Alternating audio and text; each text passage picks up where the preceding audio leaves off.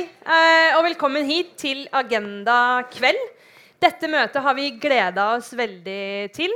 For vi skal diskutere i dag et av de temaene, eller det temaet som vi i Tankesmien Agenda har vært mest opptatt av siden vi ble starta for over fire år siden. Og det er nemlig ulikhet og forskjeller. Det temaet har også stått høyt på den internasjonale agendaen de siste årene.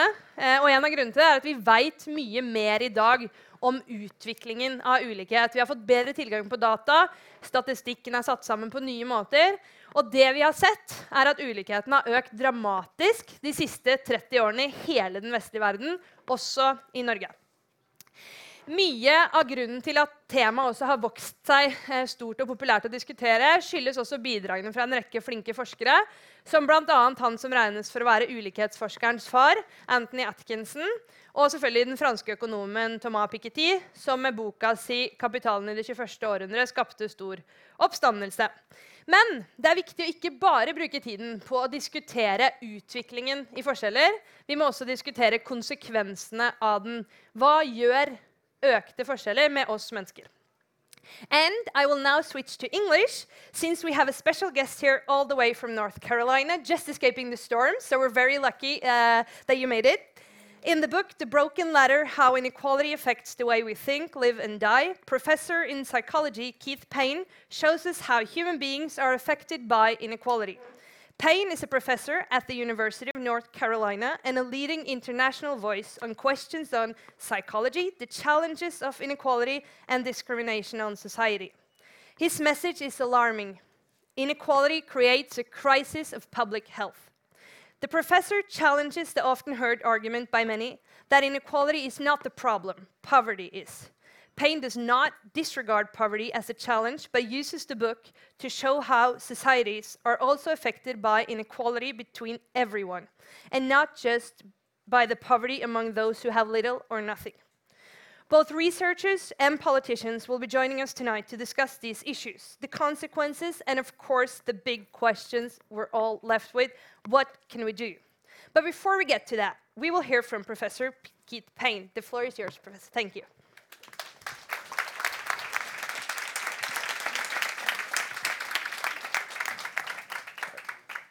Okay, thank you for that very nice introduction, and uh, thank you to Res Publica for the invitation to be here, and to all of you for coming out this evening. Um, I'm glad to get a chance to speak with you. So, today we live in a very interesting time. For, out, for most of human history, the vast majority of humans uh, have lived under conditions of extreme poverty. Our main challenge from one day to the next was simply to survive. Now, all of that began to change actually very recently in the scheme of things. So, as uh, recently as 200 years ago, 94% of the world population was in extreme poverty. And that began declining. Uh, especially in the last 80 years or so, to the point where now, at least in 2015, less than 10% of the world's population was in such extreme poverty. Now, these changes came about because of increases in technology, of course, linked to the Industrial Revolution, and also spread, the spread of uh, market economies around the world. And so, in the context of all of this growth, the most advanced economies now are dealing with a very different kind of problem. The wealthiest countries are now having to come to grips with the presence of high income inequality and wealth inequality in the context of much greater wealth than they've ever known before. Here I'm showing you um, some trends for a handful of countries. Uh, this is in the income share of each country that goes to the top 1% of earners.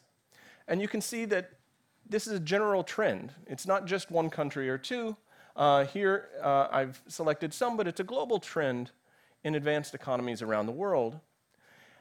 After World War II, levels of income inequality decreased, but sometime in the 1970s or 80s, for most of these countries, income inequality started increasing again. And so you can see Norway here in uh, the uh, uh, orange line. It's not as high as some other uh, countries, like the United States, for example, but the trend over the last 30 years has been upward. Just to zoom in and take a closer look at what uh, income inequality looks like when we think about the way real income is distributed, I'm going to show you one, one more graph here. And this compares the income distributions of Norway, Luxembourg, and the United States. One thing I want you to see here is that this is the shape of pretty much all income distributions. They're not a nice uh, symmetrical bell curve. They're lopsided, they're skewed. You have a hump of uh, people here in the middle. We might call them the middle class, clustered around the median income. Um, we have some people who are poorer, and then we have an increasingly tiny number of people who are much, much wealthier. And if you look at uh, the differences between high income inequality and low income inequality nations, what you tend to see is differences in all three regions. So um, a place like Norway has uh, a lot more people close to the median compared to the United States. The United States has a, a lot more people who are on the poor side, but the United States also has a lot more people who are on the wealthier side. And the other thing that you may not be able to see very well is that there's another spike here at the very top of the distribution. High inequality places like the US have a lot more people who are extraordinarily wealthy. Right. So, why should we be interested in income inequality like this, which isn't just about how many people are poor, but it's about how many people are poor and how many people are very rich. That's a question that a lot of people are wondering about as the conversation about income inequality has gotten off the ground in the last 10 years. And I think um, one widespread perspective is that it's really poverty that matters as opposed to inequality. I think it's said um, most succinctly by the philosopher Harry Frankfurt, who wrote a book in 2015. The book is called On Inequality, and it analyzes the idea from a moral philosophy perspective. And his conclusion in this book, called On Inequality, is that the problem isn't that some people have more, it's that some people just don't have enough. In other words, he's not concerned about inequality. He only cares about whether people have enough to get by. We should just focus on uh, alleviating poverty and not worry about inequality from his perspective. And I think that's a perspective that resonates with a lot of people's intuitions, but I'm going to argue that that's wrong. And the reason is that social comparisons to other people define what counts as enough for us. And so we can't separate having enough from what other people around us have. So just as it takes a lot more to consider yourself not poor today than 200 years ago, and just as it takes a lot more resources to consider yourself not poor in a wealthy country like Norway than in a much poorer country. It takes a lot more to consider yourself not poor in a high inequality context where some people have so much more than others than in a lower inequality context. And those social comparisons to other people, even though we may not recognize that social comparison is what we're doing, those social comparisons are what drive that effect. So, um, a while back, a friend of mine was complaining to me that he uh, had an hour long commute to work every day and back, and it was driving him crazy. And he had just recently moved out from the city into the suburb. And I said, Well, why did you move out to the suburb if, the, if you don't like the commute? And he said, Well, that's the only place where I could afford a house that's big enough. You can't afford a house like this if you move into the city, he said. Now, he wouldn't recognize, he wouldn't have recognized that what he was doing is making a social comparison to other people to determine what's the ha- normal size for a house. But that's what he was doing. And so, if other people in his social circle hadn't had big houses, he wouldn't have felt the need to have a big house and he wouldn't have felt the need to trade off other things like two hours of his life a day for um, having that larger house. So, we know in psychology that people make social comparisons all the time whether or not we're aware that we're doing that. And we know um, that when we make those social comparisons, most people do not like to come out on the bottom of that social comparison. We find it very painful to consider ourselves below average on just about anything. There's a very robust finding in psychology called the better than average effect. And this is simply the fact that if you ask people to rate how, they, how good they are at pretty much anything that matters to them, most people will rate themselves as above average, which, strictly speaking, isn't possible because that's just what average means, right? But over and over again, studies find that we rate ourselves as above average on just about anything. Uh, one of my favorite studies in this genre finds that most people rate themselves as better drivers than, than average, right? Um, but this happens to be true even if you do your study in a sample of people who are currently hospitalized for a car accident that they caused. Right? Most people consider themselves more honest and more law abiding than average, and that's true even if you do the sample in a prison. so we have this really powerful tendency to th- think about ourselves as above average. We find it very painful to be below average. And if you put that tendency to find it painful to be below average c- together with these kind of in- income distributions that I just showed you, where there's always a small number of people who have so much more than everyone else, it's a recipe for trouble. So I first got interested in this topic when I read the research of sociologists, especially um, Richard Wilkinson and Kate Pickett, who have done a lot of work looking at the relationship between economics and population health. What I'm showing you here is an example of uh, their research. Um, on the vertical axis here is an index that's composed of all of these different health and social problems. The same relationships emerge if you look at each one individually, but I'm showing you just the combined index in the sake of time. Uh, this is an index that combines um, mortality rates, infant mortality, math and literacy performance, homicide rates, uh, imprisonment, teenage births, obesity, mental health problems, drug abuse, and social mobility. And they're all scored such that higher numbers means more problems. Right? So when they looked at this as a function of um, national income per person among wealthy countries, there wasn't much of a relationship here. This is sort of a vague cloud. Now, I don't want to overstate the case. These are wealthy countries, these are members of the uh, OECD. Um, if you go outside of the wealthiest countries, uh, income per person makes a big difference if you include developing countries. But once you look at rich countries, income per person no longer makes much of a difference. What makes a difference instead, they found, is inequality. Here's the same index, plotted not against average income, but against the degree of inequality in each country. Uh, inequality here is measured as the ratio of uh, uh, income of the top 20% to the bottom 20%. Right? And so now you see uh, relatively equal countries like Norway, Sweden, and Japan doing much better than high inequality countries like the United States. And you can see again that this is not just about income because you have very wealthy countries like the United States and Norway on the opposite poles of this, um, with high inequality and yet rich countries like the United States looking more like a developing country in many ways. So, these are normally, if you look at what these problems are, look back at this index, these are things that we normally think of as problems of poverty, right? These are essentially the reasons you wouldn't want your son or daughter to move to a bad part of town, right? You'd, be worried that these sort of social problems will be there.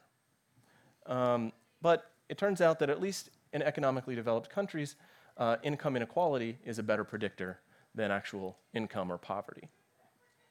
So much of my research uh, has been concerned with how do we get from income inequality, which is a property of the macroeconomic system, to individual level outcomes. Individuals have some level of income, but an individual doesn't have a level of income inequality, right? That's, that's a property of the context, the whole system. So, how do we go to individual level outcomes like crime, obesity, health problems, etc.? So I'll just briefly mention um, a few different pathways uh, have been studied. One is trust. In high inequality societies, people trust each other less and they trust their institutions less. And that decrease in trust is associated with higher rates of crime and also higher rates of political polarization and conflict. I'm not going to have time to talk about that today. Uh, high inequality places are accompanied by higher levels of stress. It's stressful to be comparing yourself to other people when a lot of people around you have so much more. Um, that stress response is a physiological response that prepares us to deal with challenges, uh, which is adaptive in the short term, but it makes more sense when you're dealing with an actual physical threat than when you're dealing with socioeconomic conditions that are going to be there day after day, week after week, year after year. That kind of long term stress is harmful for health. I'm not going to talk about that anymore today. What I'm going to talk about is this third part, which is what I've been focused on in my research, which is risky behaviors. The idea is that high inequality contexts encourage us to see the world as winner take all, all or none, and to see ourselves as not winning. And that encourages risky behavior. Um, risky behavior um, when it comes to health, things like uh, using drugs or cigarettes, um, crime, these are all ways to try to get ahead or to get some kind of uh, pleasure in some way, but they come at the expense of a risky downside. Now, when I started getting into this, I, at, looking at the relationship between people's needs and their risk taking, I discovered that there was actually a, a, a well developed field of research on this topic already. It's just that it wasn't in psychology and it wasn't with humans, it was in the evolutionary biology literature a field called risk sensitivity theory. And um, the idea is that an organism's level of risk tolerance depends on its needs. So, normally, a well fed animal is risk averse, just like humans are. But as the animal's calor- caloric needs rise, as it gets longer and longer since it's eaten, it will take more and more risks in order to meet that need. So you can imagine at the extreme, an animal near, near, starvation is a dangerous animal because it will take whatever risk it needs to meet that need. But even when we're not talking about the extremes, all along the continuum of need, um, organisms become more willing to accept risky uh, behavior, risky foraging, for example, um, as their need level rises. So, my favorite example of this is done by a, a, a biologist named Ralph Cartar. They were studying bumblebees. And what they did uh, they were studying this population of bees that forages primarily in two kinds of flower patches. One is called sea blush, it's a, a little pink flower. And if you go foraging in uh, sea blush, the bees will never come away empty handed, but they won't strike it rich either. Its, its nectar output is sort of slow and steady. The other kind of flowers that they uh, forage in are called dwarf huckleberry. This is a tiny little bell shaped white flower, and uh, its nectar output is highly variable, and that means from the bees' perspective that if they go foraging in the dwarf huckleberry, sometimes they'll hit the jackpot, and sometimes they'll come away empty handed. It's like blackjack for bumblebees, right? So, what Ralph Cartar did was they snuck in uh, to these colonies at dark after the, the bees were sort of dormant. They stuck in a long hypodermic needle and they stole their honey stash. And then they went to another colony, in uh, another uh, beehive, and they bonused them extra honey. And then they watched these bees the next morning when they got up to see where they would go forage.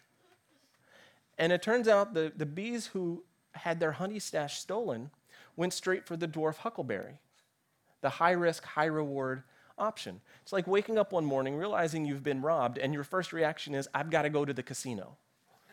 right? Um, so, we already know then from so this research in bees, but also across the animal kingdom. You see the same thing in in uh, in, in mammals. You see the same thing in primates. Uh, you see the same thing in humans. Uh, uh we've done experiments in which we um, ask participants to do a gambling task to win real money. And in, in one group, we tell them that there are these other participants who have made much more than they have or in another condition, we say the other participants have made about the same as you have. In the condition where we tell them that some other participants have made a lot more than they have, the participants start making high risk, high reward gambles just like the bumblebees. Because in humans, need doesn't just depend on something objective like our calorie level, it depends on how we compare to other people. That sets our standard for how much is enough. One other thing that's a well known finding in psychology that you should know about is that when we make these social comparisons to others, we don't make them equally upward and downward. We overwhelmingly tend to make these social comparisons upward to people who have more than us. And so, if you combine that with the fact that these income distributions are lopsided and there's always somebody who has extremely more, it means that as inequality increases, the average person is going to feel needier and needier. So, does that actually translate into risk taking in the real world? Um, instead of telling you about studies with undergraduates making gambling decisions, I want to tell you about a different kind of study we've been doing. And this is a, a, an approach that uses big data from Google searches. Um, we got data on Google searches for each of the 50 states in the United States. And uh, this includes every Google search that's been done since 2004. And we can compare that, those Google searches, on a state by state level for how much income inequality is in that state. And so, what we wanted to use Google for is to estimate risk taking behavior that really matters to people's lives. Uh, it's hard to study that in, in tradition, with traditional survey methods, because imagine asking somebody, you know, have you been involved in committing crimes? Have you been involved in uh, taking illegal drugs? You can't trust people's responses very well on, on, on responses like that. So uh, we estimated risk taking behavior using uh, Google searches. And the way we did that is we created three kinds of risk taking indexes uh, financial risk taking um, that included searches for terms like lottery and lottery tickets, and searches for payday loans. I don't know if you have payday loans in Norway. They're short term loans with extremely high interest rates. They're a terrible deal, but people take them if they feel like they have no other options. Right? Um, we estimated the prevalence of uh, risk taking with sexual behavior by looking at searches for terms like the morning after pill or testing for sexually transmitted diseases. Um, and we looked at uh, drug and alcohol risk using terms like how to get over a hangover and how to pass a drug test.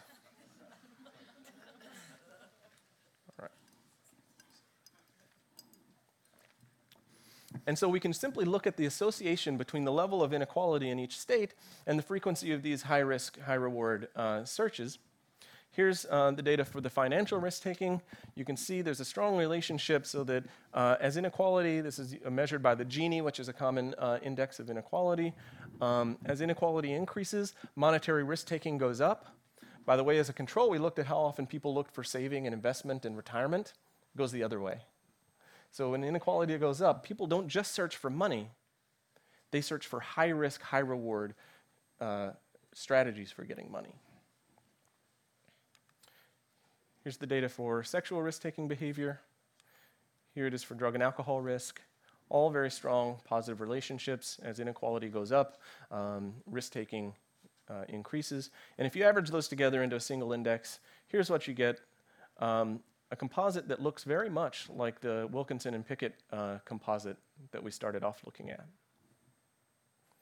Um, now, when people look at this kind of behavior, people's reaction again uh, is, is to think, well, these, are, these must be the behaviors of poor people, right? Um, uh, it, it, fits our stereotype that, that it would be poor people looking for um, uh, cheap and risky ways to make money and uh, morning after pill and, and drug and alcohol stuff. Um, the Gini doesn't tell us whether it's the rich or poor. The Gini takes into account the whole income distribution. But there are other statistics um, that can help us separate inequality that's driven by extreme poverty among the poor versus inequality that's driven by extreme wealth among the wealthy. So, what I'm showing you next is um, some data using two kinds of uh, ratios. One is the 90 50 percentile ratio. So, that's the ratio of the wealthiest 10% to the median. So, higher numbers on that mean high inequality driven by extreme wealth among the wealthy. And the second one is the 50 10 ratio, the ratio of the wealth uh, or the income of the um, median person to the poorest 10%. Higher numbers on that reflect inequality driven by extreme poverty among the poor. And so if I take that risk-taking composite that I just showed you from the Google searches and plot it against both uh, of these indexes, what we find is that it's entirely driven by the 90-50 uh, ratio. It's not the presence of very poor people in the state that it correlates with this high risk-taking behavior. It's the presence of extremely wealthy people. Uh, consistent with the idea that it's this sort of upward comparison to others that's changing the behavior of normal people in ways that are often counterintuitive. So, just to revisit um, this idea we started with, the problem isn't that some people have more than others, it's that some people just don't have enough. I've argued that we can't separate what other people have from us having enough. And I've shown you some examples of why that is and the way that works. And so, because inequality count changes what counts as enough, it also changes the chances we're willing to take to attain that, which often leads, leads to self defeating behaviors. So, just to wrap up, um, the final points I want to leave you with inequality is separate from poverty. Poverty is its own set of issues, but inequality causes problems that can't be reduced to poverty. So, when we start talking about uh, income inequality, people often hear poverty. And so, although, of course, we want to do what we can to alleviate poverty, we have to keep it straight that the problems of inequality are a different set of issues. And that means that the problems of inequality can't be solved by economic growth. Economic growth is fantastic, it's better than economic stagnation. But if some genius came up with a strategy to double everyone's income overnight, what would happen to inequality? It would increase. Right? And the problems associated with income inequality are their own kinds of problems, and they deserve their own kinds of solutions. Um, and finally, um, when we start talking about wealth and poverty and inequality, one very common thing is to start thinking about it in terms of individual differences. What is it that's so brilliant about the people who have been successful? And what is it that's wrong with the people who are poor? And I think that's the wrong way to think about it because inequality is not about the individual, it's about the context. And if we understand this effect of the context, then what it counsels is a kind of humility because we start to recognize that any of us, if thrust into these high inequality contexts versus low inequality contexts, might start thinking and behaving differently ourselves. So I'll stop there. Thank you so much for your attention.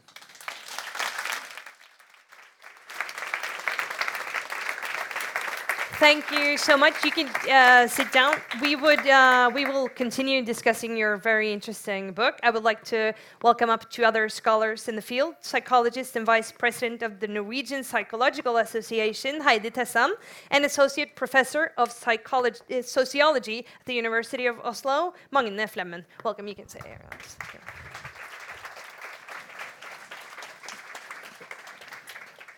Okay, I think we'll first start with you, Heidi and uh, Magne. Uh, you've uh, seen the book, you've heard uh, uh, Mr. Payne. What are your thoughts after having heard about his research? Well, first of all, I have to say thank you very much for this great uh, lecture. I, I, thought it was very interesting. I want to comment everything, of course. but where should I start? Well, I have two major points. the first one I thought about was comparison when you work with uh, social inequalities or you work with uh, children, as I do, um, uh, in Norway, it's difficult to talk about this because we always have this poverty. It's about poverty, and we, we don't have any poverty in Norway. That's one of the main things they say. That's not true, but uh, because it's relative poverty. But, but, but I, what I was thinking about was the, um, the comparison point. It was the first point. It's, uh, and then I was thinking about children that in Norway that can't go to birthdays because they don't have, they can't bring a gift. Uh, in Norway, that's, that would be, for a child, that's a terrible thing. Or you can't celebrate your birthday because you can't buy hot dogs. And when you look at world economy, that's a, a small thing, but when you think of it as a comparison point, it's a very, very huge one. Mm. That was the first thing I noticed. And the second one uh, was um, that we often uh, tend to think that people have it's an individual explanation for people that make bad choices. And I work with a lot of juvenile uh, delinquents or adolescents that are in a, in a bad place. And very often, uh, their, their risk behavior and the things they do, it, it, it gets explained of some individual factors. He, uh, he has H, uh, ADHD, or he has always been a very impulsive guy. But when you look at it at a group level, and then combine it with the social comparison level, it's a, it's a much, uh, it's a very, it's a good point to stress, so that we can we can all think about this from a more group perspective, so we don't individualize all the problems. Mm. Uh, yeah, and risk behavior and stress and how it uh, how it uh, affects the bad choices. It's very interesting and yeah, a lot more. But now I could give the word to Magne, or else I can talk the rest of the night. we have more time, but I'll let Magne, of course, some comments first. Well, I think I think there's a, a, couple of things that's striking to me about this. Well, the first thing I'd like to say is I, I very much enjoyed the talk, and I, I like the book a lot, and I think it's a very timely intervention as well because I think, uh, at least in sociology, but I think arguably in social science more broadly, there has been a, a very long neglect of issues of inequality and stratification and, and social classes, we would say in sociology, and so I think it's extremely timely to have this broader focus on inequality as an aspect of societies and communities and I also think I particularly enjoy your emphasis that it's, it's not just about poverty, and it's, that's a way too simple explanation of it. So I like that part of it very much. And the other thing, which I think is extremely important and, and requires a lot of uh, following up, I think, from, uh, from your fellow researchers, is, is the idea of inequality as being much more than economical, mm -hmm. which I think is a really important point. That uh, inequality. Is, it, of course, it's, it's very much about economics, of course, but it's also a very social and very cultural aspect of how we live. And you show how this affects like many aspects of how we live. And an important point for many sociologists is, of course, that inequality really gets under your skin as well, because it really affects your way of thinking, your way of living, your way of relating to other people, and your possibilities of relating to other people in different ways. So I think that's a really, really important point to understand that inequality is like a multidimensional, broad phenomena. Mm -hmm. Keith, I wanted to ask you, uh, what is, what's the thing that's surprised you the most of during your research, uh, research on this field? But I, I, just wanted to ask you beforehand because you didn't have the time to mention that study. But my favorite study from the book, which isn't yours, it's another one, but it's about monkeys and cucumbers. Could you please tell us quickly about that study because it's very, I think, uh, illustrative for the whole uh, issue.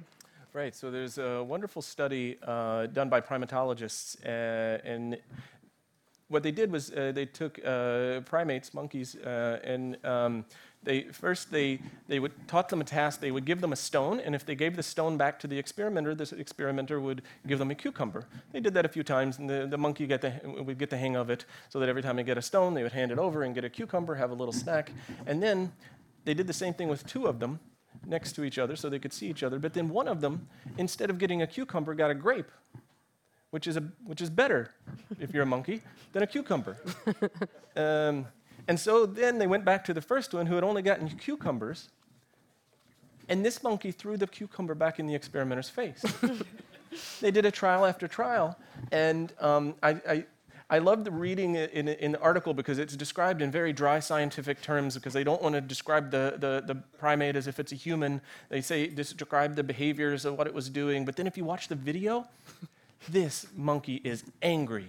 He's shaking the bars uh, on his cage. And so, uh, just observing that this other guy got something better for doing the same thing as me was enough to, to make these primates um, not only uh, notice the comparison, but be angry and resentful about it. So I think it, which is an argument that um, you see the same behavior with tiny babies.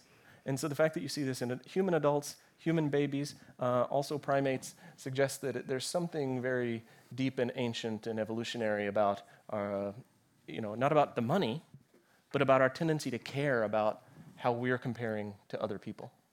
Yeah, you should YouTube the video clip. It's uh, very interesting. But now back to my question. Yeah. You've been studying this for some years. You, you told us about your uh, having uh, seen uh, Wilkinson Pickett's studies. What if, what's been, been the biggest surprise you think, during your years of study? I showed you one slide in which uh, risk taking behavior was more predicted by uh, inequality at the high end than the low end. Uh, that was one of the most surprising findings to me, and since then we've seen it again and again. Um, it, it, people have such a strong intuition that um, all of these health problems and mental health problems and uh, social problems are driven by uh, the poor. But again and again, we see it's driven by uh, the presence of inequality driven by the rich. And I still am surprised by that, but uh, that's, uh, it's, it's turning out to be a very robust finding, so I'm starting to be convinced. Yeah. Uh, Heidi, you're the vice president of the Norwegian Psychological Association, an organization that has chosen social cohesion as one of its most important areas. There's been some discussions about that. How, why is it that you chose that area, and can you tell us a bit why it's been a bit of a discussion? Yes. I'm glad you asked that question, and we're a bit proud of it because it's quite a, quite a, what you call it, pro Active. uh, proactive uh, thing to do. Well, we actually, uh, you know, uh, historically, psychologists has been mostly concerning about inner psychological uh, uh, factors or processes. But then um, the last few years um, in Norway, it's been a shift uh, with the political system also to, to try to use the psychologists more uh, to prevent the problems of mental health problems. And we choose um, uh, for some years ago to have preventing mental health problems with uh, kids and youngsters to be our main topic area. And then we started to look at, well, what are the correlations between mental health problems uh, and uh, what kind of factors are influencing the mental health problems? And we, of course, as everybody knows, it's a big social inequality in health because it's five, ti- five times bigger the risk to develop a health problem if you uh, have uh, less income than a higher income. So then we started to, to then we actually made the social inequality as a kind of a um, umbrella all over our main topics. So we have this uh, action plan uh, that we have made for, for families, for, uh, for schools, for kindergartens, for uh, all the activity areas that children are. And, and we, we want to um, influence the factors that produce or that can, um, uh, what do you call it, uh, influence the mental health problems. So it's and of course it's been a debate because uh, this is uh, historically something that maybe psychologists don't really work so much about, and it's also a kind of a political. Uh, topic also when it comes to what to do about it but uh, we decided that we know the we know the statistics and we know the findings from the research on this and it's very solid so if we as psychologists are going to do something about this we have to address one of the main problems and that's social inequality in health so we decided that and uh, our board uh, said yes we want to do this and uh, we're very proud of it yes Uh, Magne, your research is uh, focused mainly on the link between class and social inequality. Why is it important to also discuss uh, issues of social class while discussing inequality? Well, I think there's uh, several aspects to that. First of all, I think you could say that inequality is a very broad concept. A lot of things would pass under the umbrella of inequality. I think a main thing about the concept of social class, as we use it in sociology, is that it's it's about inequality, but it also is crucially about differences of power. So it's also it's about inequality and it's about power. So I think the concept of class, what it tries to do in sociology, anyway, is it tries to tie like differentials of, in, of power and, and i- income inequality or the other forms of inequality to basic aspects of how, how societies like ours are structured. So, for instance, we would say that uh, most sociologists talk about class would say class and inequality in capitalist societies ari- arise out of the possession of economically relevant property. It's like the main driver and main constitutive power of inequality. And that ties in with labor markets, of course, but it also ties in with how the educational system is organized, which is part of the idea with the concept of cultural capital. It's, it's that kind of connection. And so, and then the third thing is, uh, I think it's about power and it's about the basic makeup of our societies, and it's also the idea that this affects like many aspects of our lives, which I think are the three core ideas with the concept of social class as in some ways distinct from inequality or different from inequality. How do you find the awareness around this subject? Because all of you, your interest has been there for a while. You've been studying that, and and you as well. But the, it's uh, the association, for example, is quite. It isn't newfound, as you said, but it's a new kind of shift towards a new subject. How do you find the awareness around these uh, issues on on your um, uh, field of research or field of work? Is uh, has it changed a lot, or So I, I, I think, um, in my experience, um, people are aware of the word inequality more and more lately, but uh, it means a lot of different things to a lot of different people. And so um, I think, especially in the United States context, uh, where it's so focused on sort of capitalism and meritocracy, and, and people assume that if, they, if people have been uh, successful, that they must have worked harder than somebody else. Um, it, it, it it loses a lot of its force because people hear the word inequality and they either think poverty or they either think success, um, but not the, the differences between those, right? And so, um, and some people are bothered by it and some people are not, and it's usually treated as just an issue of opinion.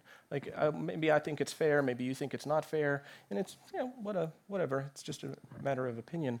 And so, um, what people are not as aware of, I, in my experience, is that inequality is so tied to the health and social problems and the mental health problems that you were just talking about, and has real life consequences um, for people, which make it you know, a, a, real social issue and a real moral issue that we have to deal with in a way that goes beyond just you know, whether my opinion is that it's too, too unfair or not.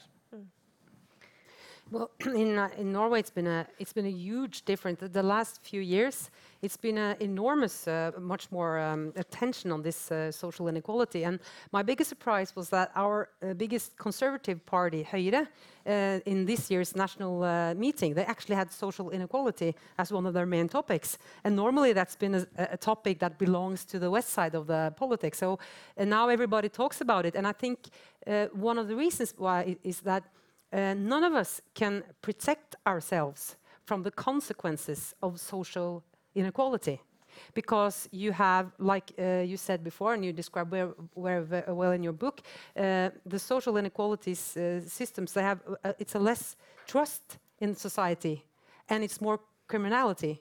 And we know that criminality it doesn't only affect crime in one person to another person. The social cost of criminality is huge.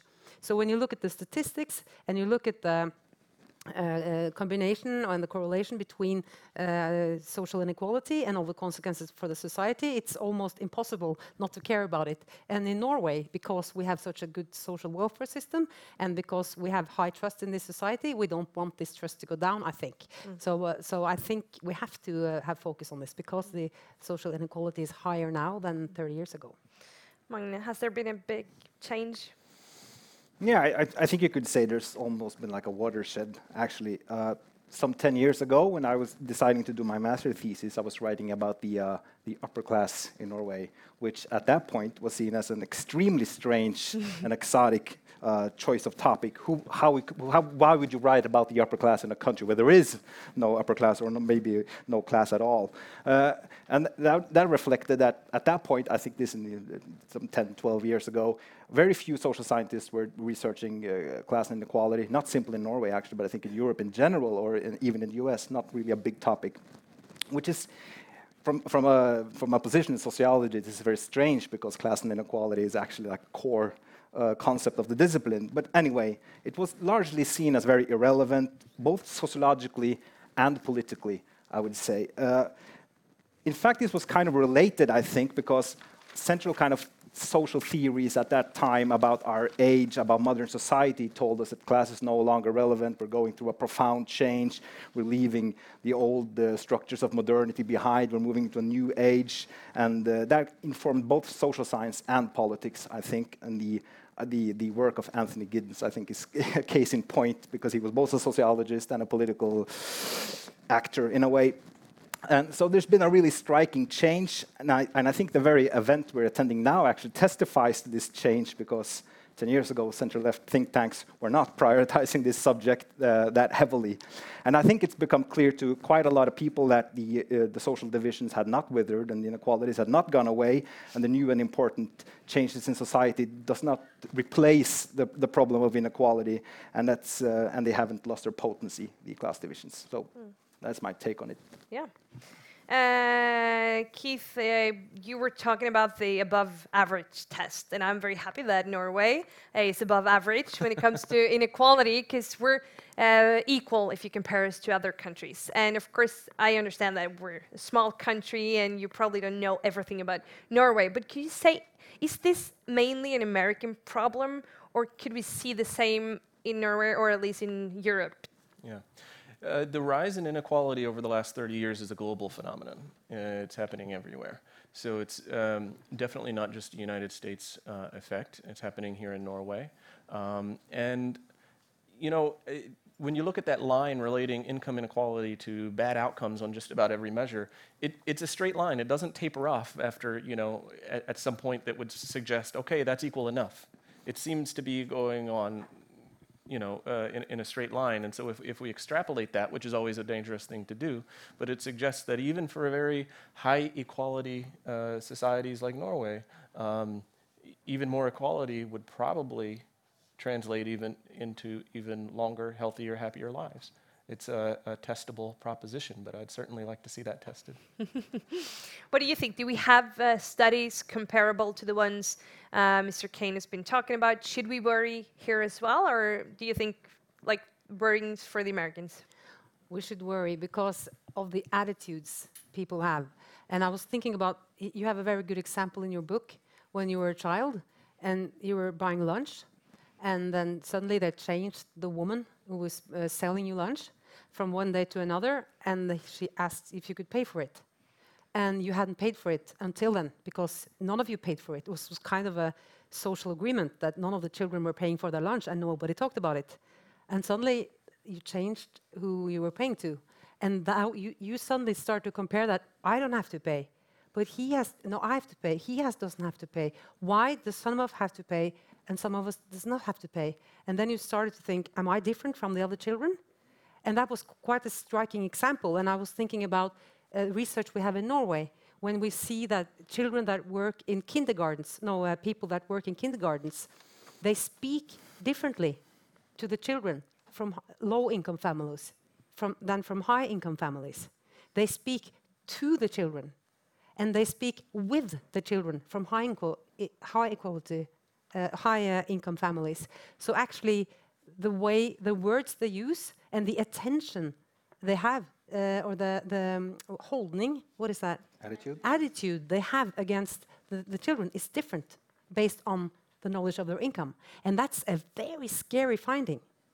And if we start to treat children differently when they're that small, when they're two, three years old, and they can already find they're talking different to different children, I think that's very, very dangerous and says something about the development the psychological development and the trust mm. in the people that are going to take care of you when you're a child. So I think absolutely we have to worry, and that's yeah, that's one of the things we have to worry about: how we handle children uh, equals at, as equals. Mm. Magne, do you think we should worry in Norway? Do we have uh, similar studies uh, to the ones Payne has been talking about here as well? Uh, the short answer is I think we, uh, we, we, should worry, yes. Um, I'm not uh, that familiar with the, uh, the, Norwegian psychological research, but I, but I doubt they have anything uh, similar to the work you've been doing on the mechanisms here, actually. But, but we have a lot of uh, empirical research, at least in sociology and economics, and I think in psychology as well, to show that there are problems associated with inequality in Norwegian society as well. Now, I, I, think it's well known that, uh, as you were showing in your graphs, that Norway is a country of, like, of comparatively small income inequalities. That is, if you look at people's pay. But uh, this is due to what is sometimes called the compressed wage structure. There are small differences between uh, groups of employees.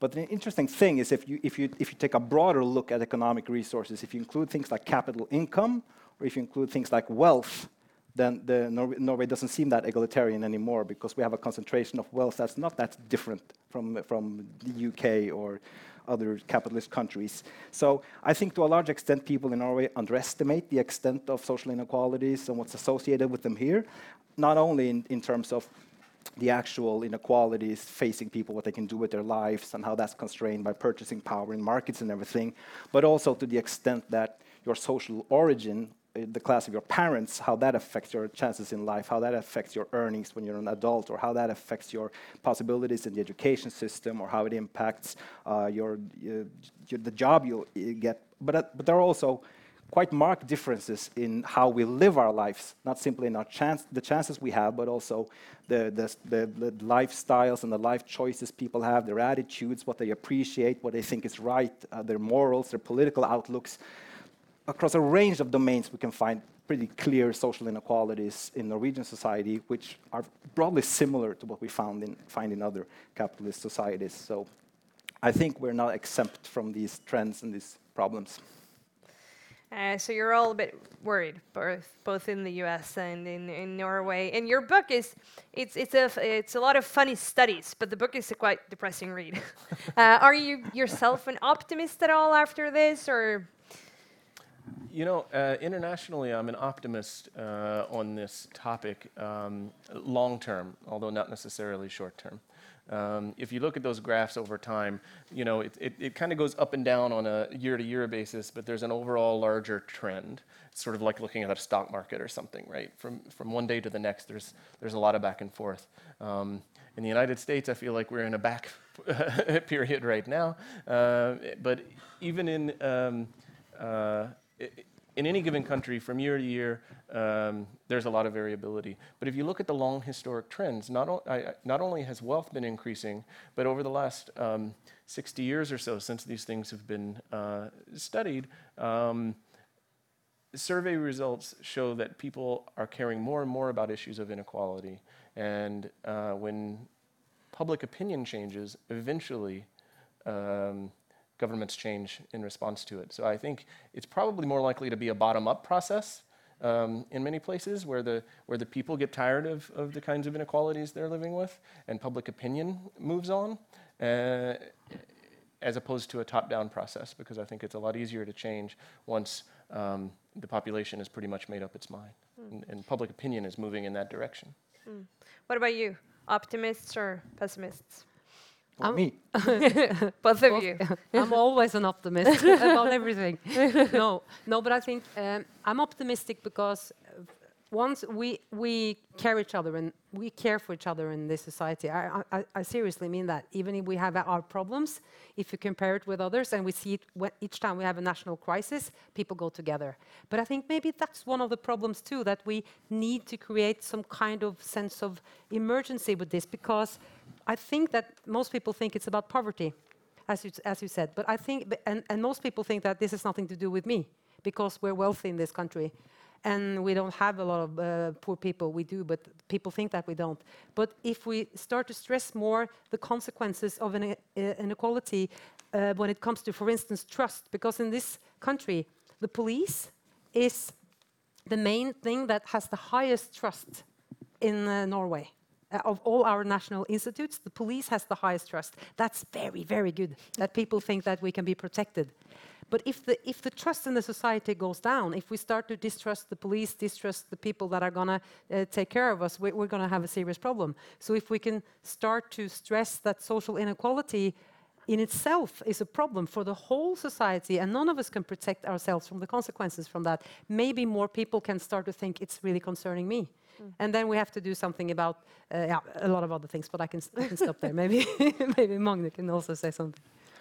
Uh, yeah, well, I guess it's up to me to have some kind of balance then in this uh, panel. You're a pessimist. I, would, I wouldn't want to like tick a box and say optimist or pessimist, but I, th- but I think uh, there are good reasons to suspect that this won't change uh, in the extent of decreasing inequalities.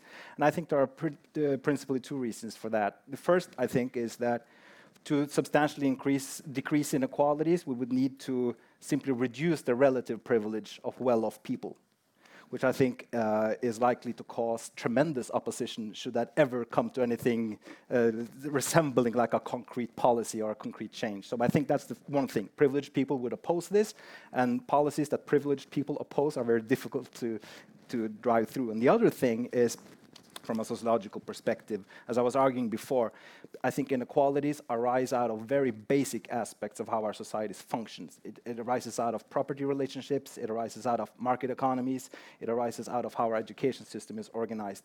So from my perspective, to change this, you need to change basic aspects of how our society is functioning, which I think is a, a, a daunting task, to say the least.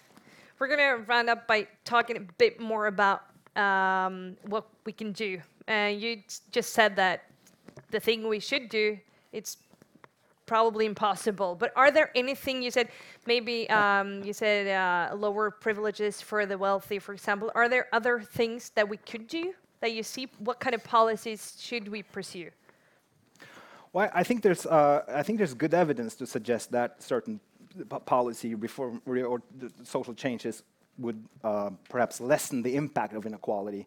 I think there's uh, there's reasonable good evidence that uh, universal welfare provision systems help lessen like the impact on what inequality means. And you could also argue that uh, societies that have uh, in, in, in, the, in welfare state research, you often talk about something called decommodification, which is when, when services and provisions and possibilities in life does not depend on purchasing power because you don't have to buy things, you don't have to buy a health insurance, or you don't have to pay as much for a, uh, for a kindergarten place or anything like that. So there's also evidence to suggest that when you have decommodification, that you have more like universal welfare benefits or, or provision, service provision, then inequality means less in a way. It has less impact. Doesn't actually affect the distribution, but it makes it less powerful in daily life. So that's perhaps my more pragmatic Yeah. take on it. And you actually have an action plan. Yes, we have an action plan. Yeah. And one of the writers is standing over there, as you can see. uh, Kari Frank. Yes, it's um, we have an action plan that is also uh, with universal universal actions. Uh, for instance, good kindergartens that everybody could have. The schools we have to have good health promoting so- ar- areas where children and youth are growing up. That's very important because if we give the, children the same uh, uh, and a good quality of uh, all the arenas they can have, it will increase the the, the, the life quality, and also the. The areas where they are when they're not at school, fritidsaktiviteter. I forgot my English uh, here I, now. I think I was, yeah. we yeah, were like talking you know when you go to football and all these things, the activities, the activities for children. Uh, we also have to be have very including societies. The more include and the more that fall apart, the better off we all will be. So that's one of the yeah. Our our actions is actually out where the areas where the children are living their lives. We have to do the actions there. And you also have a part of your book is is about this, what we could do both as individuals and as politicians. What what are your suggestions? Right. So, uh, you know, people often want to come up with uh, new, clever policy strategies um, to solve each problem. Uh, and that's great. Uh, I, I would encourage coming up with new and clever strategies, but usually um, the, the solutions are old ones that we've known about a long time. We just have to find the political will to implement them. So Yes. we know basic system changes like progressive taxation regimes, uh, social welfare benefit strategies. These are the sorts of things that uh, after World War II, the social democracies of Europe did intentionally and systematically, and they worked. Um, so, so these basic things, um, we already know how to do it if we choose as a, uh, collectively uh, as societies to do it. So at the macro level, I think um, we, we sort of all know what the answers are. Um, at the, the micro level, though, um, so I, I- I think the, the way to really tackle the problem is at the micro level because it's a system level problem. Uh, but governments and policies move slowly, and in the interim, um, I try to address in the book what, what can we do while we're waiting for that change to happen as an individual. And uh, one of the things that, that helps with um, when dealing with children is to uh, not only to actually be inclusive, but also help them focus on what really matters. Right. So uh, studies show that if you uh, let students affirm a value that re- they really care about, um, at the beginning of a class period, um, then a lot of the achievement gaps associated with SES and, and race and gender that you see in a normal test taking situation are cut about in half, right? You didn't do anything to their cognitive abilities, you just uh, reminded them that they're a good and valuable person and they can focus on what matters to them instead of worrying about what the kid next to them has and if their shoes are cooler, right? So um, there are a lot of individual steps uh, we can take to, uh, to sort of disconnect our own sense of, of self worth from our larger sense of net worth um, so that we are not uh, as likely to suffer the psychological consequences of those social comparisons that I talked about. That would be a good last word, but I have one more question to put pressure on the politicians coming afterwards, and that's if we don't do anything or if we don't do enough, where would where will we be in 30 years or 50 years? What's the worst case scenario? To all of you, I want to put the really big pressure on the people that are going to fix it for us. You can start. Uh, sure. Well, I, I think uh, the evidence is clear that left to their own devices, capitalist societies uh, increase inequality.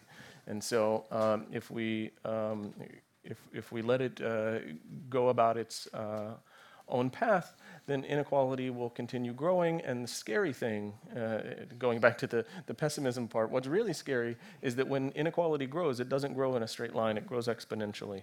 And so uh, I think we can't let it just uh, evolve uh, according to its own devices. We have to actually be thoughtful and planful uh, about the policies that keep capitalist systems from uh, eating themselves up. Magne? Well, uh, the um, the history of social science is, is littered with bad predictions, so uh, I'd be cautious. But I, I think one thing that seems likely to me uh, is that you would have like increased uh, polarization, not least in, in the political realm. What I think might be happening is one thing that you have get stronger social divisions in terms of which parties people would both vote for and their outlooks and their attitudes. But you also, I think, risk having uh, larger like political alienation, people feeling left out of politics, that politics is not about them and that politics is the game of elites and everything, which uh, promotes disengagement. And, yeah, which can potentially again be mobilized and whipped up in more dangerous uh, forms later down the road, possibly. Heidi? Yeah, it's um, as a prolong of that. The social exclusion is uh, the worst way of recruiting uh, dangerous uh, thoughts. So that's that's my scary uh, thought for the future. If uh, people are not uh, with us, they're going to be against us. You know, that's always how it is, and that's dangerous path. That was a good uh, last word, a bit scary, but uh, thank you so much, Magne Flemmen, Heidi Tessan, and our guest of honor, Keith uh, Payne. Thank you so much.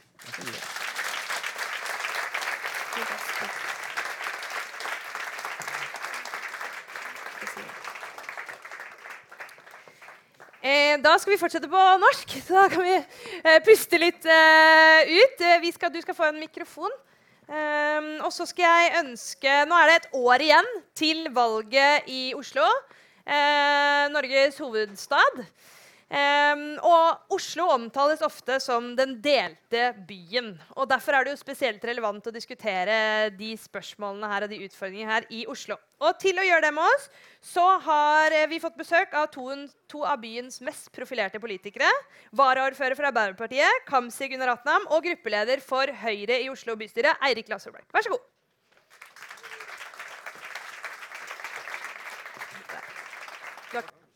Vi kan begynne med deg, Kamzy. Um, nå har jo dere hørt hva forskningen sier om det som er egentlig ganske dype skadevirkninger av ulikhet. Eh, deler du analysen, og Hva er det som bekymrer deg mest av det som ble sagt? Nå avslutta vi med å på en måte skrekkscenarioene. Blir du bekymra når du hører om det? Tvunget til å eh, framstille noen skrekkscenarioer. Nei, jeg eh, har veldig troa på politikken. eh, og jeg har troa på at velger man eh, riktige politikere, så kan man også få gode løsninger for framtida. Eh, og det er jo derfor eh, Og det er jo noe av liksom, det viktigste vi gikk til valg på. Altså, det er liksom litt sånn vanskelig å snakke om den delte byen, for du har liksom Nordstrand som ligger i øst og liksom har bedre levekår enn Grorud. liksom, men mitt poeng er bare at det, det er barn, det er unge som vokser opp i Oslo i dag, og som har ulike forutsetninger. Politikkens rolle er å kompensere for dette.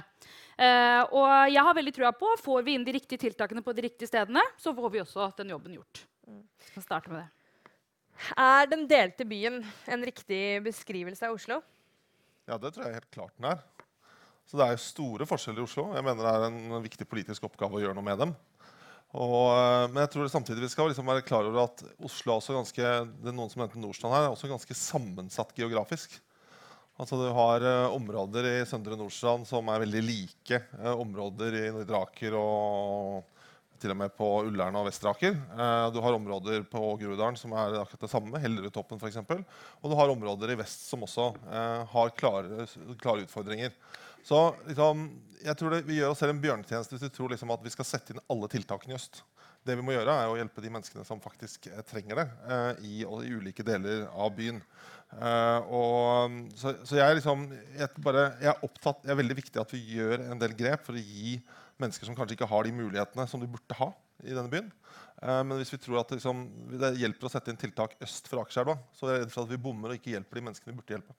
Vi skal komme tilbake til selve politikken og bare dvele litt til ved eh, analysen.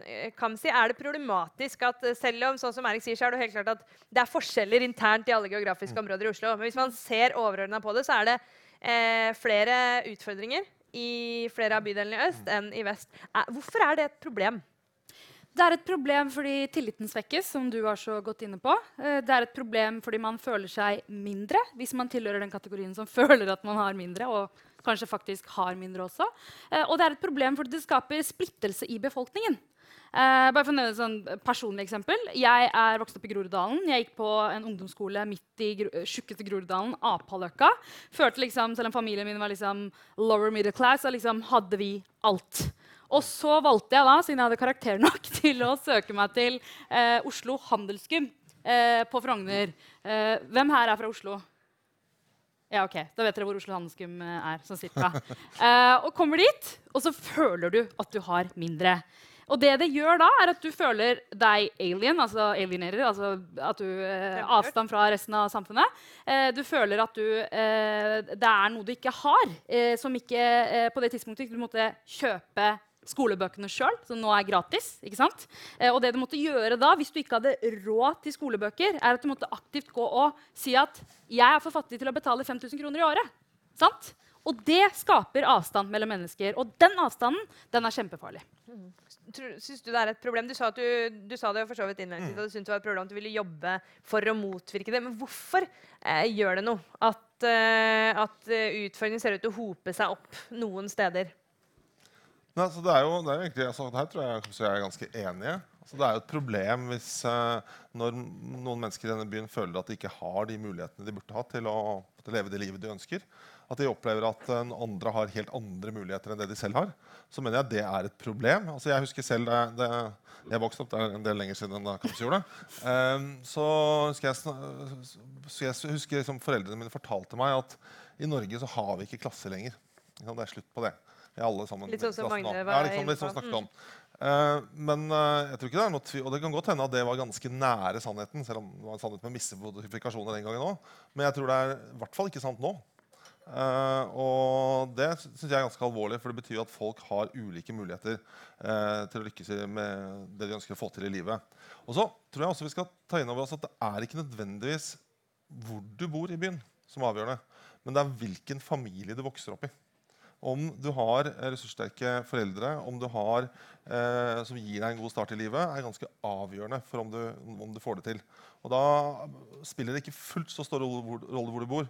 Og det var grunnen til at jeg har lyst til å ta liksom litt nyanse på dette med øst og vest. her, at det er forskjeller mellom øst og vest i Oslo. Jeg, jeg aksepterer fullt ut det.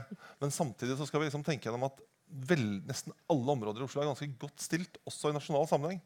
Søndre Nordstrand er en bydel som ofte omtales i veldig negative ordelag. Jeg synes ganske ufortjent. Men husk på at Søndre Nordstrand har et utdanningsnivå som er, hvor, som er gjennomsnittlig høyere enn 300 norske kommuner. Og da er det før kommunesammenslåingen. Eh, eh, altså, som da hadde 428 før vi begynte. Eh, og det, det sier også litt om at vi har også ganske mange ressurser å trekke på i denne byen. Og vi skal liksom ikke ha en elendighetsbeskrivelse av store områder av byen. Men det er ikke noe tvil om at det er utfordringer, og at de er større i noen deler av byen. Kan vi si, Hva er de største utfordringene du ser i, i Oslo i dag når det gjelder det temaet her? Ulikheter, sosiale forskjeller, forskjeller i levekår. Hva er det som, hva er det du syns er mest alvorlig? Hvis vi bruker ett ord, så må det være utenforskap. At det er eh, barn og unge i ulik alder som eh, Også voksne som ikke er på fellesarenaene som vi mange av oss tar for gitt. Det tror jeg er den største utfordringen. Hva tenker dere når dere hører om forskningen? For dere har jo vært inne på det begge to. at eh, er ulike, at det, det er jo statistiske forskjeller. Det kan vi se i statistikken mellom eh, folk. Men at også ulikhet handler om litt det som du var inne på, Kamzy, om hvordan vi eh, føler oss, eller hvordan vi ser oss selv i forhold til andre. Hva tenker dere når dere hører om de studiene som han viser til? Ja, altså, jeg tror det er riktig. ja. Altså, du, du skal lete lenge altså, denne, Jeg synes det var veldig interessant den gjennomgangen av forskjellen mellom fattigdom og ulikhet. Fordi du skal lete lenge i Oslo i dag for å finne områder hvor det liksom er eh, som, hvor det virker som, som er preget av fattigdom og nød. Men det betyr jo likevel ikke at det ikke bor mennesker i de ulike deler av Oslo som opplever og helt reelt sett har andre muligheter enn mennesker i andre deler av Oslo. Eh, Så liksom, det, er- det er en forskjell, og jeg tror det gjør noe med oss. Jeg er helt enig. Mm. Kamsi? Um, kan jeg angripe politisk her nå? Ja. Vær så Nå ble det litt sånn der, ja, ja, kom igjen. Ehm, altså, jeg syns det aller, aller viktigste, som forskerne var inne på, det er tillit. Uh, og det som ikke skaper tillit altså Jeg har veldig troa på at Høyre mener at det er sosial ulikhet i Oslo, at man skal gjøre noe med det. Men mange av tiltakene Høyre fremmer, det er behovsprøvde ordninger. Og behovsprøvde ordninger, jeg skjønner at det liksom på kort sikt virker ganske kostnadseffektivt. Det er bare ok, Vi ser på inntektene til familiene, eh, og så deler vi ut eh, velferdsgodene deretter. Men problemet med det er at det skaper ikke tillit. Det skaper ikke tillit i befolkningen. Når vi nå eksempel har kjørt ut eh, gratis kjernetid i barnehage og gratis kjernetid i AKS, som har økt deltakelsen i mange av eh, bydelene i Oslo, så Det er gjort vi i noen av bydelene, ikke sant? ja. Ja. Eh, Mange bydeler. eh, og, og det som er fint med det, er at det er hele bydeler. ikke sant? Vi har 15 bydeler i Oslo. De er på størrelse med store og mellomstore kommuner i, eh, i Norge. Det er liksom, vi, vi glemmer det litt. Eh, og de, da tar vi da hele bydeler som får da ordninger. Og det som er så viktig med det, er at du ikke skal sammenligne deg sjøl med naboen. Begge får det samme, uavhengig av inntekt, uavhengig av eh, bakgrunnen din. Og det er det som skaper tillit. Og så en annen ting man må huske på er at Den kiden som får den der særhjelpen, den kiden vet det. Og det får deg til å føle deg underlegen, det får deg til å føle deg fattigere. Og det mener jeg også er farlig i samfunnet vårt. Eirik? Vi er jo tilhengere, alle, alle, sammen, eh, i hvert fall de aller fleste i norsk politikk, av at de virkelig store, tunge velferdsordningene skal være universelle. Eh, for så er det, jeg mener det er usedvanlig viktig at vi har en skole som er gratis for alle, og som faktisk også tar på alvor at noen områder har større utfordringer. At det må settes en økt innsats i de områdene enn andre. Eh, så derfor er jo, det, var jo under vårt byråd eh, vi innførte en ordning for at vi hadde mye sterkere prioritering av skoler i utsatte områder. Eh, og det altså sånn at det, grovt sett i Oslo er sånn at vi bruker ca. dobbelt så mye ressurser per elev i noen områder enn i andre områder av Oslo. Det mener jeg er helt riktig. Eh, og det gjelder på mange områder. Og det er riktig å gjøre. Det er også en universell ordning, for vi satser på skolen. Den er gratis, den skal være god overalt. Og der det er ekstra behov, så setter vi en ekstra innsats. Men så er det på noen områder så har vi mulighet også til å gjøre mer for de ressursene kommunen rår over, med, hvis vi velger å målrette det mot dem som trenger det. Vi hadde en ganske interessant debatt rett før i budsjett, forbindelse med budsjettet i Oslo i fjor høst. altså budsjettet for 2018. For Da foreslo Høyre en ordning som ville gjøre det mulig for barn fra lavinntektsfamilier å få gratis fritidsaktiviteter. Det ble nedstemt av venstresidas flertall i bystyret. Med henvisning til at nei, vi vil heller jobbe for en universell ordning. Det kom jo ikke noen universell ordning. Så man kan risikere av og til å sitte og si om det hadde vært så mye bedre med en universell ordning, men så har man ikke ressurser til det, og så ender man opp med å ikke ha noe som helst. Og da vil jeg faktisk si at i en del sammenheng, ikke på de store, tunge ordningene, men på en del ordninger som kan bety ganske mye for barns følelse av å lykkes og mestre på andre arenaer enn skolen, eh, så er det ganske fornuftig å si at ok, vi setter inn innsatsen først der den trengs mest. Og der er det jo helt åpenbart et skille, for de ønsket å prioritere helt andre ting. Han har helt rett. Vi har ikke vedtatt eh, penger til eh, fritidsordninger.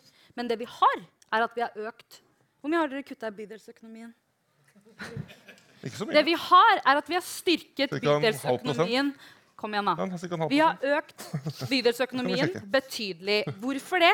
Det er viktig at det er bydelene som står Altså, bydelene leverer eh, tjenestene som står folk nærmest.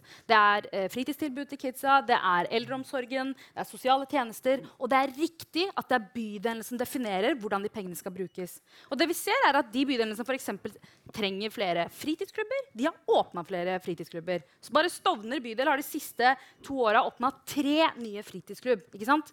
Og det handler om at de da definerer sjøl hva som er utfordringen i deres bydel, og, der, og deretter gir svar. Eh, Og det mener jeg er en mye riktigere måte å bruke pengene på enn at vi sitter og lager en behovsprøvd ordning som da er tilegna bare fattige familier. Du skal få svare kjapt på det, og så skal jeg over til neste spørsmål. Ja, altså, jeg, jeg mener faktisk at vi bør stille krav også til offentlige virksomheter ja, om å drive litt mer effektivt og prøve å finne nye måter å gjøre ting på. Eh, når vi da har foreslått en besparing på mellom en halv og 1% av bydelsøkonomien, så er det liksom ganske virkelighetsfjernt å kalle det en rasering av velferdstilbudet.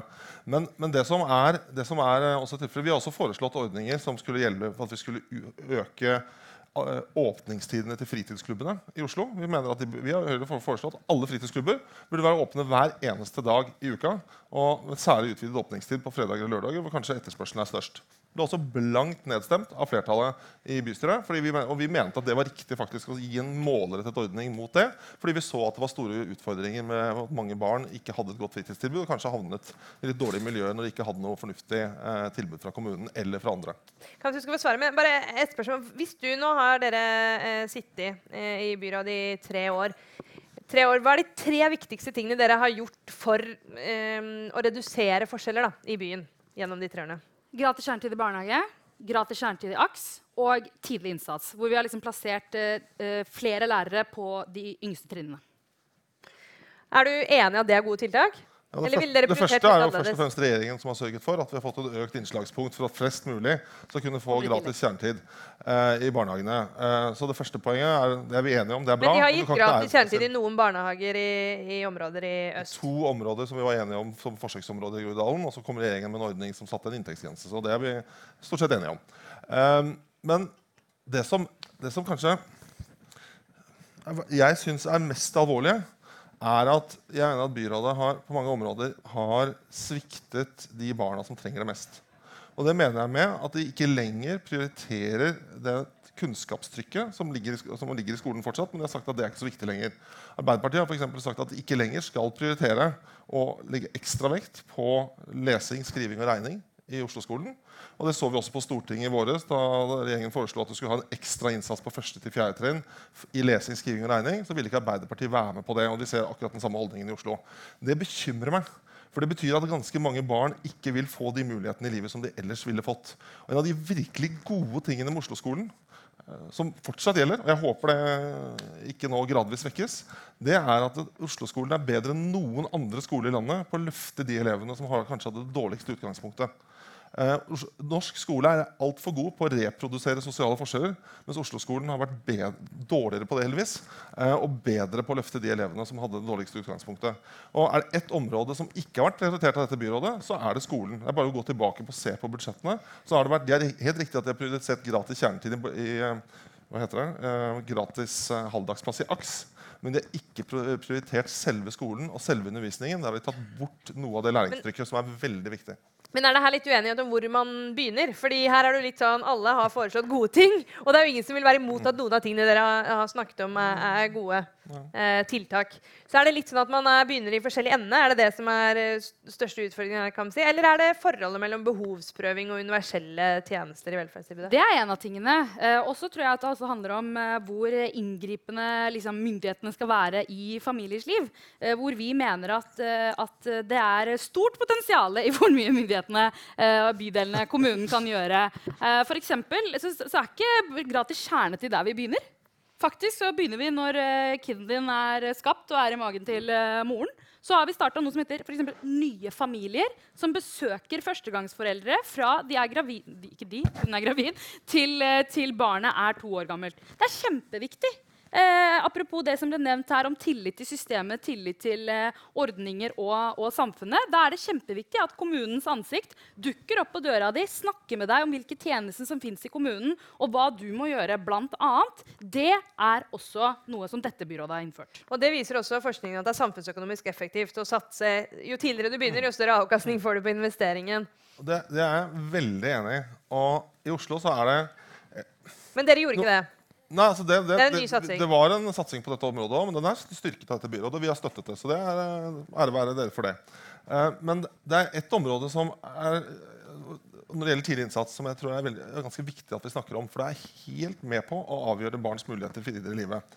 Og det gjelder hva slags norskferdigheter barn har når de begynner på skolen. Det er sånn i, i Oslo i dag at ca. mellom, ja, mellom 20 og 25 varierer litt, men cirka, og, nesten 25% av barn som begynner på skolen, har vedtak om forsterket norskopplæring. Og Det betyr at de, at de, ikke har tilstrekkelige kunnskaper til å følge undervisningen når de begynner på skolen. ordentlig. Ikke følge, nyttiggjøre seg den fullt ut. Og vi vet at de, akkurat de samme barna er, veldig mange av dem blir hengende etter i hele utdanningsløpet fordi de ikke kan dra nytte av den undervisningen de får. Og Da mener vi at det er behov for å sette inn tiltak før du begynner på skolen. Det er behov for å ha en systematisk kartlegging av barns språkferdigheter og så gi tilpasset eh, opplæring i språk før de begynner på skolen. Vi har for tatt til orde for at du eh, på sommeren altså før du begynner på skolen, kan gå på sommerskole og få et forsterket eh, norskkurs norsk eh. Men det må liksom være på barnas premisser, men at de kan få en flying start i norsk. Vi har til og med også foreslått at du skulle sørge for at det siste kanskje halvåret før du begynner på skolen, skulle være en obligatorisk del eh, i en eh, barnehage som satser veldig på, på norskopplæring. Enten den barnehagen du går i, eller at du ikke går. i. Det har venstresiden vært imot. Venstresiden har sagt at nei, vi liker ikke den typen testing av barn. Så, derfor, det, så det avvikler det er avviklet initiativ vi tok på slutten av vår byrådsperiode. Og det, Jeg skulle ønske vi begynte før.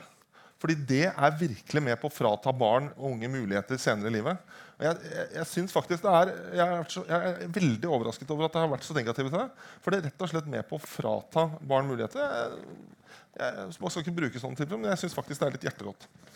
Kan si dere, du sa jo nettopp at dere er jo egentlig eh, glad i å kunne bruke politikk eh, sånn at det virker. Og det her er jo et sånn typisk tegn på inngripen. Ikke sant? Kartlegging. Eh, hvis vi tar akkurat det, eh, hvorfor eh, har dere vært imot det? Jeg tror vi har nok eh, kartlegging i, i Oslo-skolen. Eh, og vi er ikke imot kartlegging generelt, men, men vi vet eh, alle at det har vært eh, en del. Jeg vil bare starte med å si at Da vi tok over, så hadde Oslo Norges lengste barnehagekø. Ja. Når vi, når vi er ferdig med vår periode i 2019, så har vi bygget 3000 nye barnehageplasser, samtidig som vi har økt kvaliteten til en viss grad. Det andre er at det, når barn begynner eh, i, i skolen, så har jeg snakket jeg om tidlig innsats.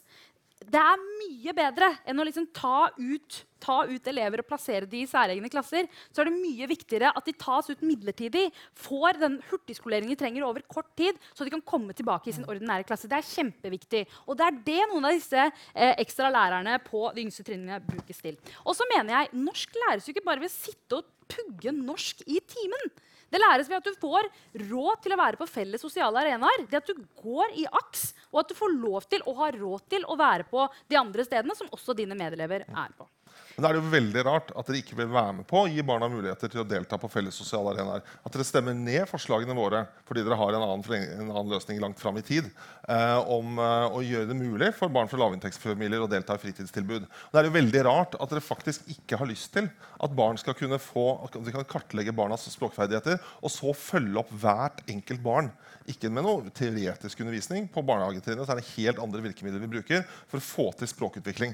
Og det er dere imot. Og det er noe av det mest usosiale som skjer i Oslo i dag, er at dere nekter mange barn å få den ekstra opplæringen og stimuleringen i norsk før de begynner på skolen. Og resultatet er at de blir hengende etter gjennom hele Veldig, skoleløpet. veldig kort svar, kan vi si, og så skal jeg ha et nytt spørsmål. Ja, altså Det siste det får du bare snakke videre på. Men det jeg synes er aller, aller viktigst, er at du får ikke sitte her i legge meg meninger om at vi gir mindre fritidstilbud til barna. Det er faktisk mer for barn og ungdom i Oslo i dag enn det var under deres styre. Jo, men jeg foreslår at flere skal få muligheten, og du stemmer mot. Da nytter det ikke å vise Du vil ha 10 år siden. behovsprøvde ordninger som du bare vil gi til fattige familier. Det nekter jeg å gå med på. Ja, så Du vil ikke at fattige familier skal Jeg få mulighet til å delta i fritidsaktiviteter. Og Det Ok. viser at ideologien overstyrer barnas behov. Ok, Vi eh, går videre. Vi skal snart avslutte. Men jeg har, eh, vi har, jeg har to spørsmål igjen. og det ene er jo, Nå har vi jo eh, slått hverandre litt i hodet med gode tiltak. um, og det er jo bra at alle har lyst til å gjøre noe med eh, ulikheten.